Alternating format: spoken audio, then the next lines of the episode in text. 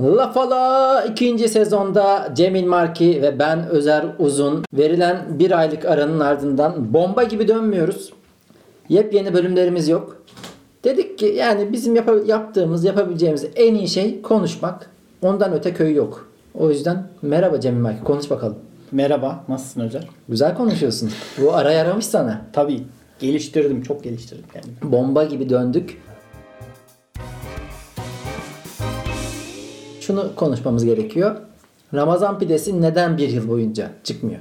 Gelenek ya, mesela kandil simidi için de hep sadece kandillerle sınırlı kalmasın, sürekli üretilsin deniyor ama kandil olmadıkça da Ya bu gelenek mesela biliyorsun piyasa ekonomisi gelenek gelenek tanımaz. Eğer Ramazan pidesi satılıyor olsa her ay satarlar. Şey her gün satarlar. güzel olmayabilir mi? Bayağı güzel ya. Yani Ramazan Allah pidesi Allah. bayağı güzel. O zaman niye böyle sınırlıyoruz kendimizi acaba? Bu arada Kadıköy Fırıncı'da her, her zaman Ramazan pidesini yiyebilirsiniz. Bu ikinci sezonda aldığımız ilk viraldi. Yani iyi. Bölüm başı değişti mi ücret? Bölüm başı 3 Sezonla ekmek. aynı değil mi? 3 ekmek. Böyle düşük e, viral anlaşmalarıyla kendimizi yolumuzu bulacağız bir şekilde. Abi hiç fena değil ya. Ara sıra ben simitlerden de koparıyorum.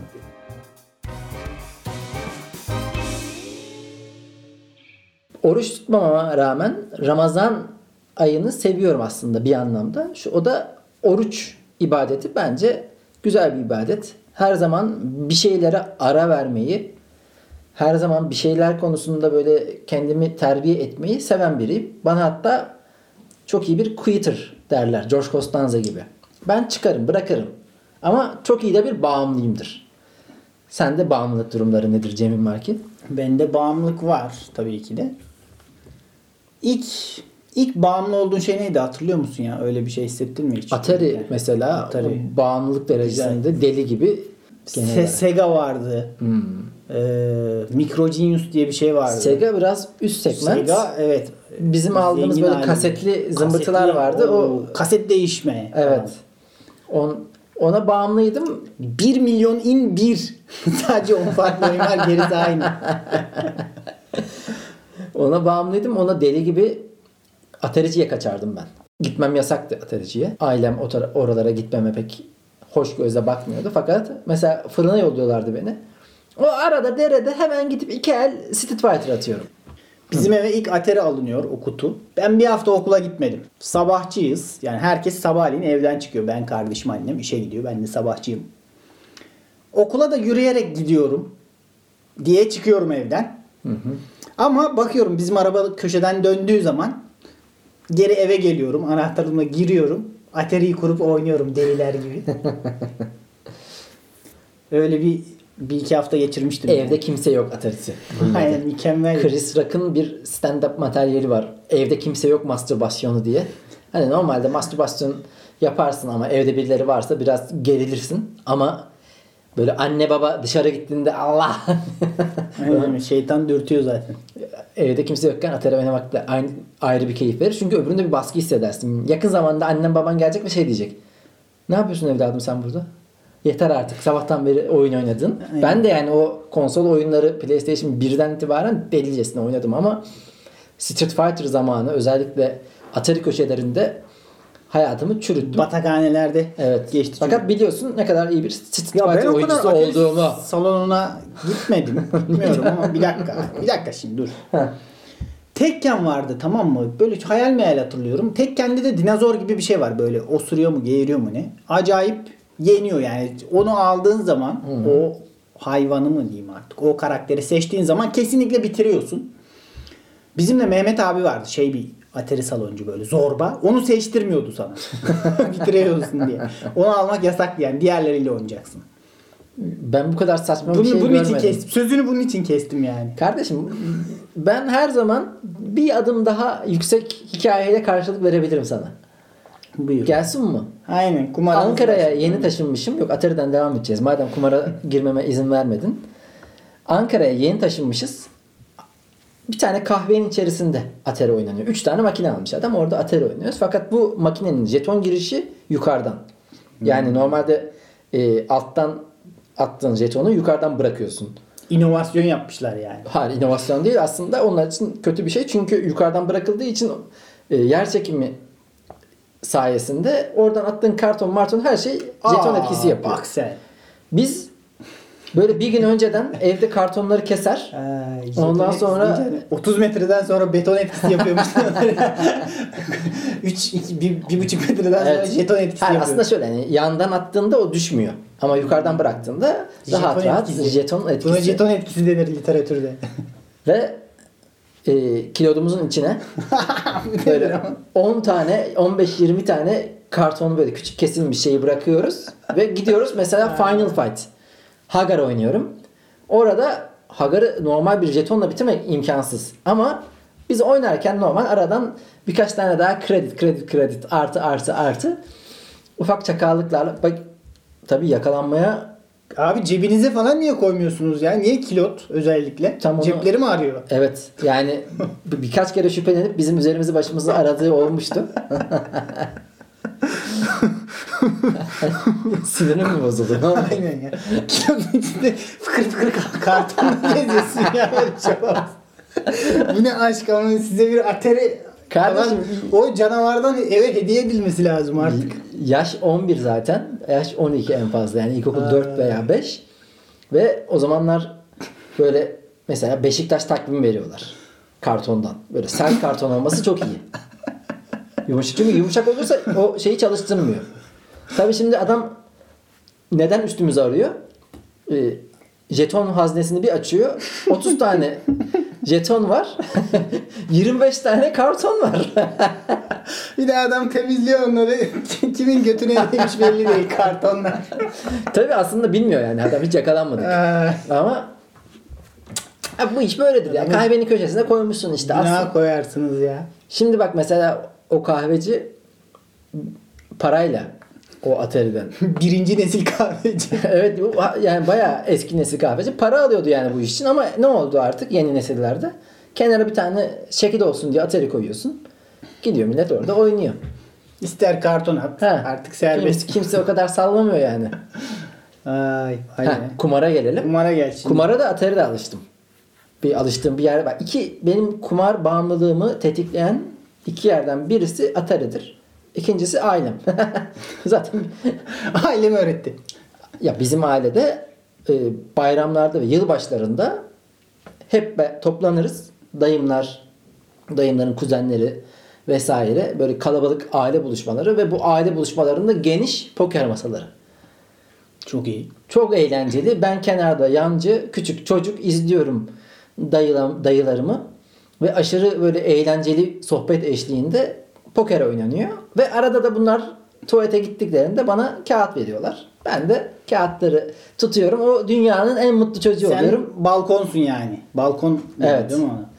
Yani balkonum ama yani o yaştaki bir insana para emanet ediyorlar. Kağıt emanet ediyorlar. Ben de bilmiş bilmiş oynuyorum. Bazen böyle ballı el geliyor. Aşırı keyif alıyorum. Bir diğeri de Atari'de sigara makinesi var. Hmm. Sigara içmiyorum. Ama o sigara makinelerinde e, sigara kazanırsan parasını alabiliyorsun. Gidiyorum oralarda sigara şey denemeleri falan yapıyorum derken bir kumar sevme durumu vardı eskiden beri. Bir bağımlılığım bu benim mesela. Güzel. Ben de yazlıkta şeyi hatırlıyorum böyle teyzemler var, eniştem var. Bizi erken yatırıp, erken yatırıp değil de biz ne zaman uyursak teyzemin çocukları, kardeşimle ben. Böyle bir o 52 o deste çıkıyor. Kart oyunları başlıyor işte neyse artık. Ben de aşırı merak ediyorum. Hiçbir şeyden geri kalmak istemiyorum. Hani bizi yatırıp ne oluyor ne dönüyor diye. Oradan şey yapmadılar ya bayağı sakladılar bizden.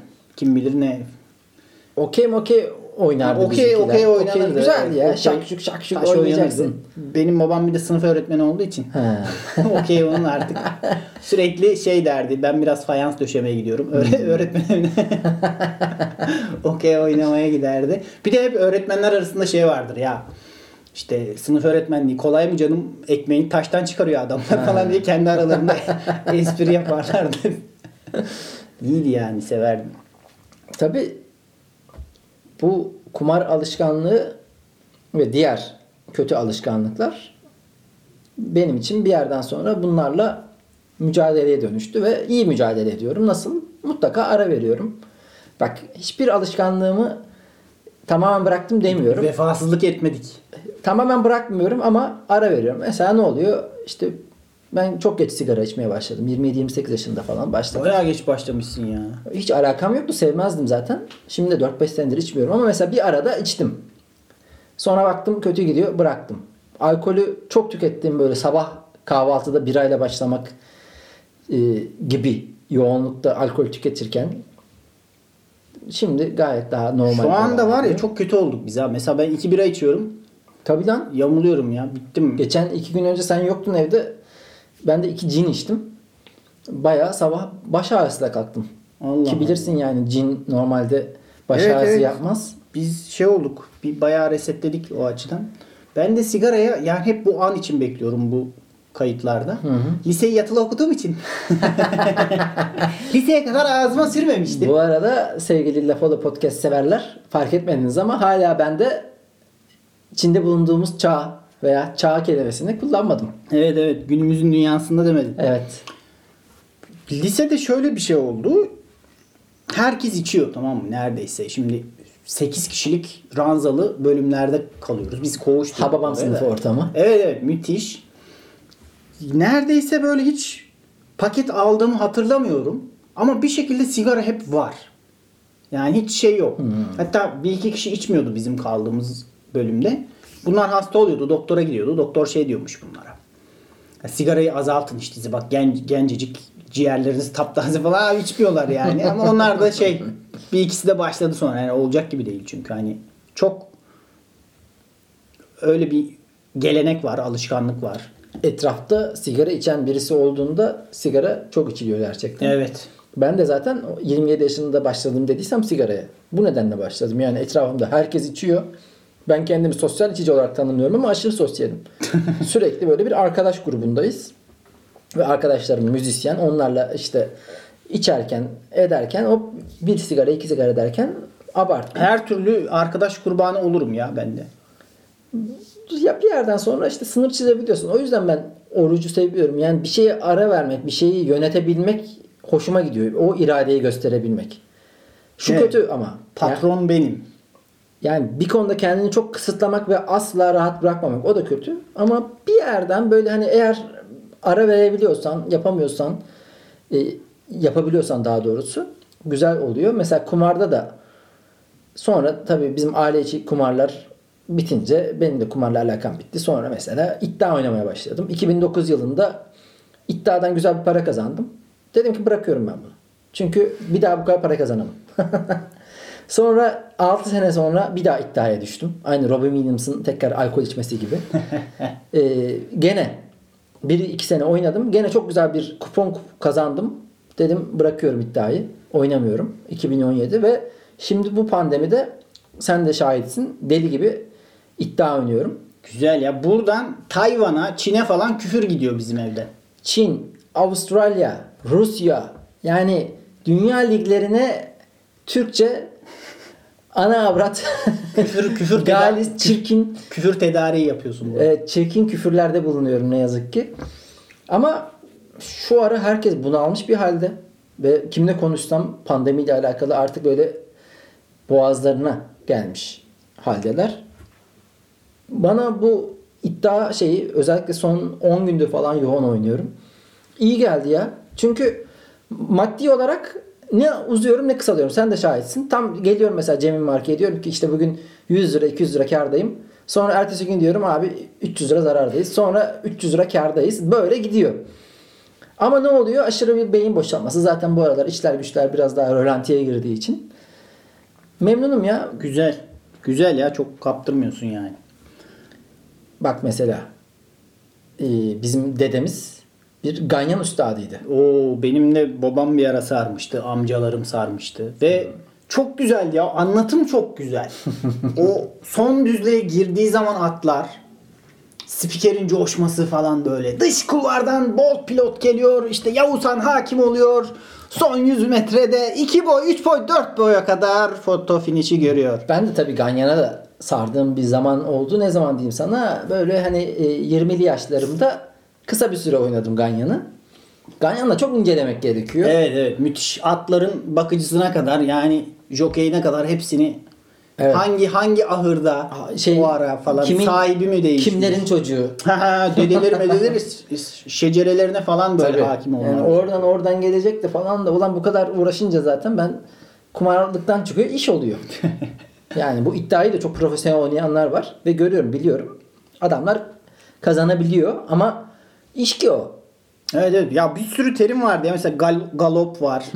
İşte bilmem kumcu atlar var. Hani kumda koşmayı daha çok seviyor. İşte çimde koşan var. Mesela Yavuzhan diye efsane bir at vardır. Tamam mı? Hep böyle gerçekten de efsane ganyan bayilerinde atın fotoğrafı var hala. Böyle atların Atatürk'ü gibi bir şey.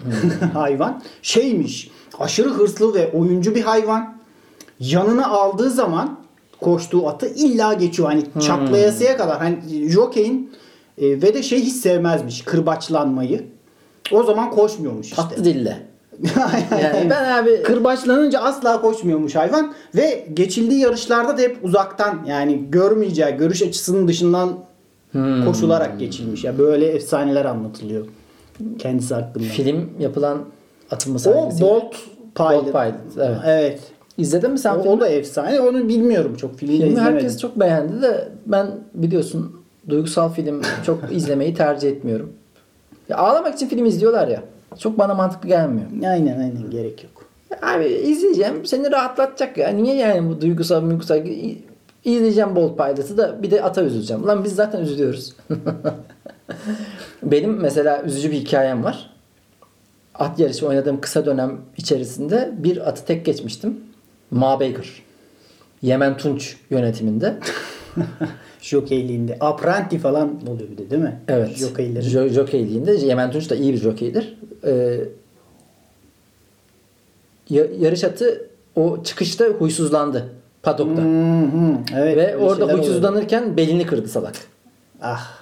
Yani benim yazdığım atı belini kırdı diye öldürdüler. yani düşün abi. Ay abi ya. Tek yazıyorsun ve Hani- gerçekten de tek. Hani iddia Tek falan attın. iddia falan oynuyorsun da tek golden falan yatıyorsun. Burada abi direkt yazdığın at öldü. öldürdüler ya. Abi benim yazdığım at öldü ya. Banko. Banko gibi. Öyle bir hayvan. talihsizlik olmuştu. Babam mesela e, büyük bir sayısal oynayıcısıdır. Hmm. Sayısal şans topu 10 numara çok sever. E, ben de gene kısa bir süre çok saçma bir anı. Bunu belki Ankara'da çok kasıtlı insan biliyordur. Benim çocukluk arkadaşlarımdan Yağız bir gün geldi dedi ki mesela bu milli piyango çekilişleri ayın 28'inde diyelim.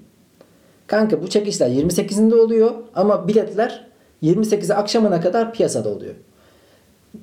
Ankara'nın İçeriden milli alabilirsek. Hayır, Ankara'nın göbeğinde şey milli piyango çekilişi. Evet, Yani bina gö- piyango binası var. Evet orada yapılıyor çekilişler. Dedi ki biz gideceğiz çekilişe. Ondan sonra izleyeceğiz ve işte hani 3 4 5 numaraya kadar olanları söyleyeceğiz. Size. Hepsini söylesinler. Ya onu bulmak zor. Yani düşünsene 7 haneliyse artık neyse. Ha, bileti bulmak. O bileti bulmak zor Evet, ama son 3-4 rakamına göre bulmak daha kolay.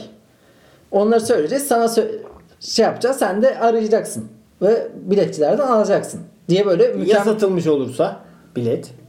Satılmış olma ihtimali de var. Abi onlar binlerce var. Yani son 3-4 rakam. Hmm. Yine bayağı bir meblağ yapacak yani. Evet. Bunun mükemmel bir haber diyerek geldi bize.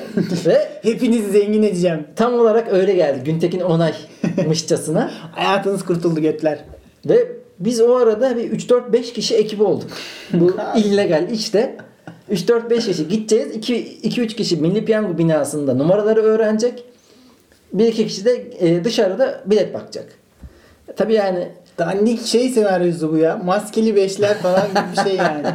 abi Allah'ın bir akılız biz miyiz ya? Tabii ki bunu biletçilerin hepsi Güvene bak. tabii ki biletçilerin bunu hepsi biliyor ve gidiyorsun biraz bakıyorsun sen niye bakıyorsun diye carlıyor. Hiçbiri bize bilet millet vermedi abi. yani ulan Allah'ın biletçisi onların da vardır muhakkak zaten elden vermiyordur Aynen. büyük ihtimal. O yüzden öyle- Olmadı yani. olmadı abi. O, olmaz ya. Kumarda ya çok profesyonel oynayacaksın ya da oynamayacaksın. Ya keyfini oynayacaksın. Bak, Benim geçen dediğim gibi hani senin bir şeyin var ya bir yerden sonra kumarhanelerin bizzat kendisinde de kullanılan yöntem budur ya. Sana bol içki, sigara her şey serbest içeride yeter ki oyna. Hani ne kadar kazanırsan kazan, oynamaya devam ettiğin sürece Evet. bir yerde muhakeme Kesinlikle. becerini yitiriyorsun. O, o anı bekliyorlar zaten. Ya beklemiyorlar. Kasanın seni sürüklemeye çalıştığı nokta orası. Muhakeme yetini kaybet ve burada donunu bırak da git. Ama o- o iradeyi göstermiyoruz. Ben de göstermiyorum. Sana mesela diyorum akşam bu kadar karla şey yaptım ama yarın Sabah bir kalkıyorum. Sabah- Gece ne olduysa olmuş. hayır hayır gece bir şey olmuyor ekstra da. Sabah kalkıyorum gözümde çapak var. Şöyle telefona bakıyorum. Ulan yani en muhakeme yeteneğinin düşük olduğu an saçma sapan para kaybediyorsun. Olmaz. Olamaz.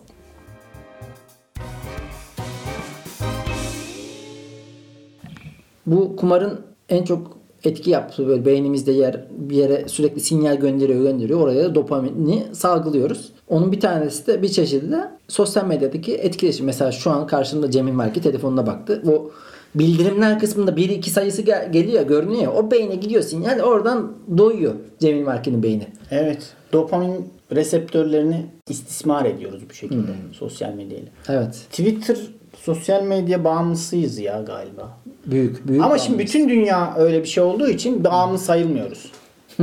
evet. Herkes delirince deli sayılmıyorsun ya. Ya buna da ben ara veriyorum bazen. Yani mü- mümkün olduğunda böyle telefonu bir iki gün elime almadığım oluyor.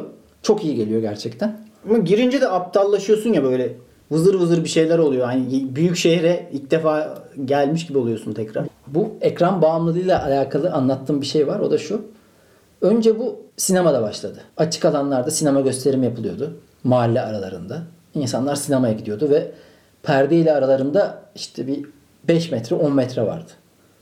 Sonra evde televizyona geldi. Televizyonla aranda bir 2-3 metreye kadar indi mesafe. Sonra bilgisayarla başladı. Bu sefer bir yarım metreye 50 santim. 50 santime indi kamerayla olan uzaklığımız. Şimdi telefona geldi işte neredeyse 20 santim. Şu an hatta VR'la içine de İşte girebiliyorsun. zaten ona, gelecektim. İçine gireceksin işte gözüne kadar gözlüğüne kadar gelecek bu iş. Gözlüğün kenarında ve beynin... İçimizden, içimizden geçecek ekran bağımlılığı. E Zaten işte bir sonraki insan aslında bu ya. Normal bedeninin organik yapısı değişecek diye işte gelecekteki insanı anlatıyorlar. Gibi gibi. O yüzden bu etkileşim kısmı herhalde daha da azalmayacak, artmayacak, pardon azalmayacak, artacak. Artacak. Nereye sürüklendik be? Hey gidi. O büyülü fener ilk sinema makinesi icat edilince bunları düşünmemişlerdir büyük ihtimalle. Çok büyük bir dünya var ulaşabildiğin anında. Yani mesela haber olarak da seni çok doyuruyor. Güzel görüntü olarak da kötü görüntü olarak da hepsi işte bu reaksiyon verecek beynine her şey mümkün olduğunca fazla var ve sen de bunu bir alıştın mı normalin o oluyor. Evet evet. Ya bir daha insandan tat alamazsın. Yani buluştun. Akraba hani aile falan çok şikayetçidir ya. Gidiyorsun bayram diye. İşte herkes telefona bakıyor. Ya senin akraban sana ne anlatabilir? Kısıtlı bilgisiyle. İşte annem baban hep tanıdığın insanlar. 40 yıldır 30 yıldır neyse. Ne anlatacak sana? Oradan onun dedikodusu, şunun dedikodusu. Ya ben dünyanın bilgisine ulaşıyorum burada. Ebeveynler de çok Facebook'a, WhatsApp'a düştü sonra. Hani bundan bir 5-6 yıl önce Aa bırak şu telefonları falan diyorlardı. Şimdi kendileri de bakıyorum kendi crush bana şey gönder. İşte canım bitti falanlar başladı. Kendi Crush bitti galiba ama Ya ya. bitti de işte o- oynayan oynuyor. artık. Oynuyor. Benim annem de sürekli bir şeyler oynuyor. Can mutlaka. can gönder deyip duruyor. Yani benim telefonumda asla bir oyun yoktur ama annem de gırla. İlla bir şey buluyor. Olmadı okey oynuyor zaten.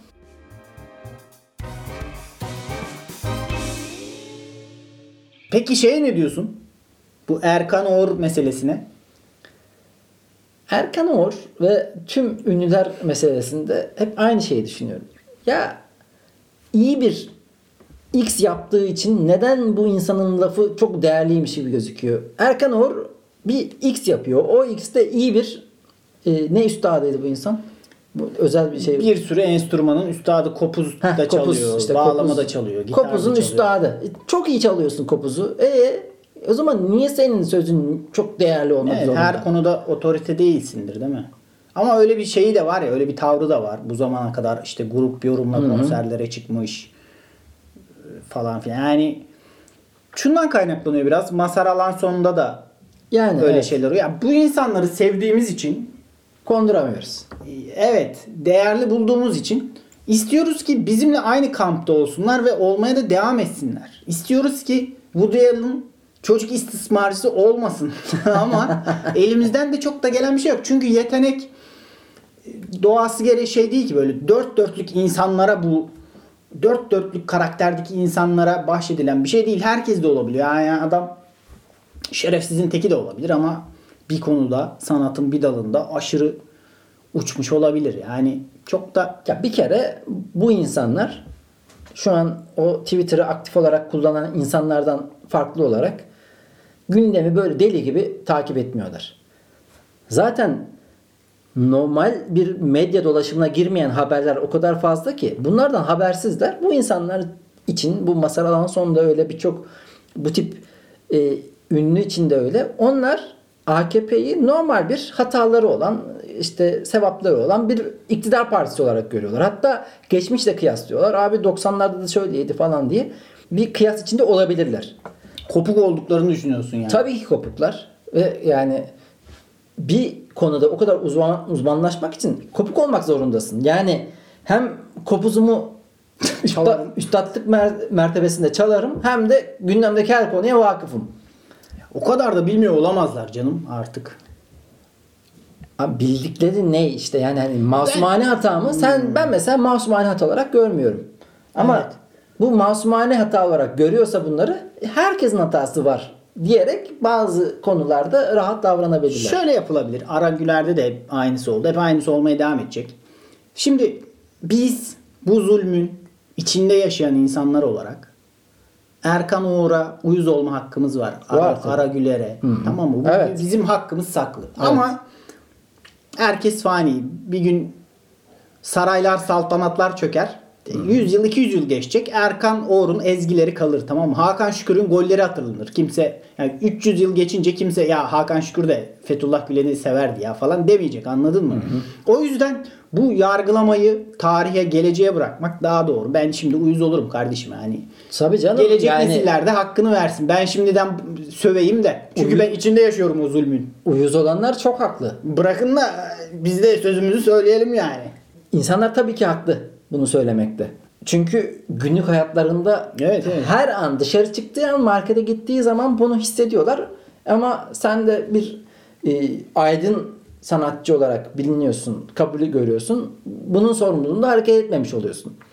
Ama bir yandan da en geniş şeyden baktığımızda da yani bu sadece iyi bir üstad kopuz olmasın. Adam iyi futbolcu. Ne oluyor? Geliyor Arda Turan diyor ki ekonomide çok doğru yapılıyor. Faizler düşürülmedi. Kimsin abi Arda Turan? Sen kimsin ya? Ne alaka? Niye bunu veren yetki ne? Topa iyi vurması. Yani Arda Turan'ın top kabiliyeti çok şey e, top hakimiyeti çok iyi diye. Geliyor bana diyor Ekonomiden de anlıyormuş gibi yapıyor. bu mankenlikte de iyi işte pro- program sunuculuğunda da her şeyde var. Çocukken öyle bir algı hatası oluyordu ya böyle profesör dediğin zaman Hı. hayatın her konuda hayattaki her konuda her şeyi biliyor zannediyordum. Ben ona şeyde de çok şaşırıyordum ya böyle haberler oluyordu bir dava ile ilgili. Bilir kişi şöyle bir rapor verdi falan. Ulan bu bilir kişi kim acaba? Hani her şeyi biliyor gibi algılayamıyordum onu. Yani bilir kişiyi şey zannediyordum. Tek bir böyle kurul ya da adam gibi bir şey var ve her şeyi biliyor. Halbuki konu kendi alanı neyse onunla alakalı bir şey. Zaten bu üstad mertebesinde olmayıp biraz siyasete kayan insanlarda da aşırı kendi o mesleklerinden uzaklaşma durumu oluyor. Yani bak mesela Levent Üzümcü'ye. Şimdi bu adam tiyatrocuydu. Aşırı siyasi olarak e, bir şeyleri dillendirmeye başladı. Güzel yapıyor, yapmıyor vesaire ama Batağa bir düştü bu zehri bir aldı diyorsun. şimdi tiyatroculuk yani mesleğinin sırtını dönmüş gibi oluyor. Bu cendere koskoca Atilla Taş'ı yedi be. Atilla Atil- Taş gibi bir üstadı yedi. Ya mesela Halk TV'de görürsün birileri var öyle. Yani o işe çok girdin mi de harbiden çıkamıyorsun. O yüzden kendi mesleğini erbaplık derecesinde yapmak isteyen bir insanın biraz izole durması gerekiyor. Bir siyasetçi kadar ya da bir gazeteci kadar bu konu bunlarda yorum yapıyorsa o zaman ne yazık ki bir yere varmıyor ve Peki sen şey yapar mıydın? Bir gün aradılar işte sözcü saraydan. Dedi ki ya Sayın Cumhurbaşkanımız çok stresli bugünlerde. İşte anketlere bakmış. 3-5 dakikalık bir skeç. Gül, gülmeye ihtiyacı var. Bu gibi bakıyorsun şey diyorsun işte ey Kemal, Bay Kemal falan diyorsun böyle metinler yazmışsın mesela. abi onu yapamam herhalde yani o insanın kişiliğine aykırı. Yani ben Evet. hayatta kendi diyeceğim lafın dışında bir şey delirtemezler bana. Yani Allah Allah. Bana en büyük zulüm o geliyor. Evet, evet. Yani hissetmediğim bir lafı, düşünmediğim bir sözü sipariş üzerine söylemek, yazmak. O yüzden metin yazarlığı konusunda da bazı işleri kaybediyor olabiliyorum. Çünkü yani sadece böyle etik duruş olarak değil. Nasıl diyelim? Mesela e, cheesy bir kanalda kötü bir yapımın içerisinde olmak. Olabilirdim. Ama istemedim. Oradaki o saçmalığa katkıda bulunmak istemedim. Ha, bu mevzularda bir farklı bir duruş, farklı bir fikir şunu biliyorum. Bazıları diyor ki bu konularda. Abi bir para veriyorlar zaten bu adamlar. Ya bunu da yani biz almazsak gene şeye gidecek. Yani kendi adamlarına gidecek. Yani o parayı da biz almış olalım. Çünkü Yavuz Bingöl yiyeceğine Erkan Oğur yesin ya. gibi gibi gibi yani evet. Öyle bir farklı görüş de var ama yani burada önemli olan kendi görüşünden farklı bir şeyi dillendirmek. Zaten o şeye düştün mü? Cendereye düştün mü?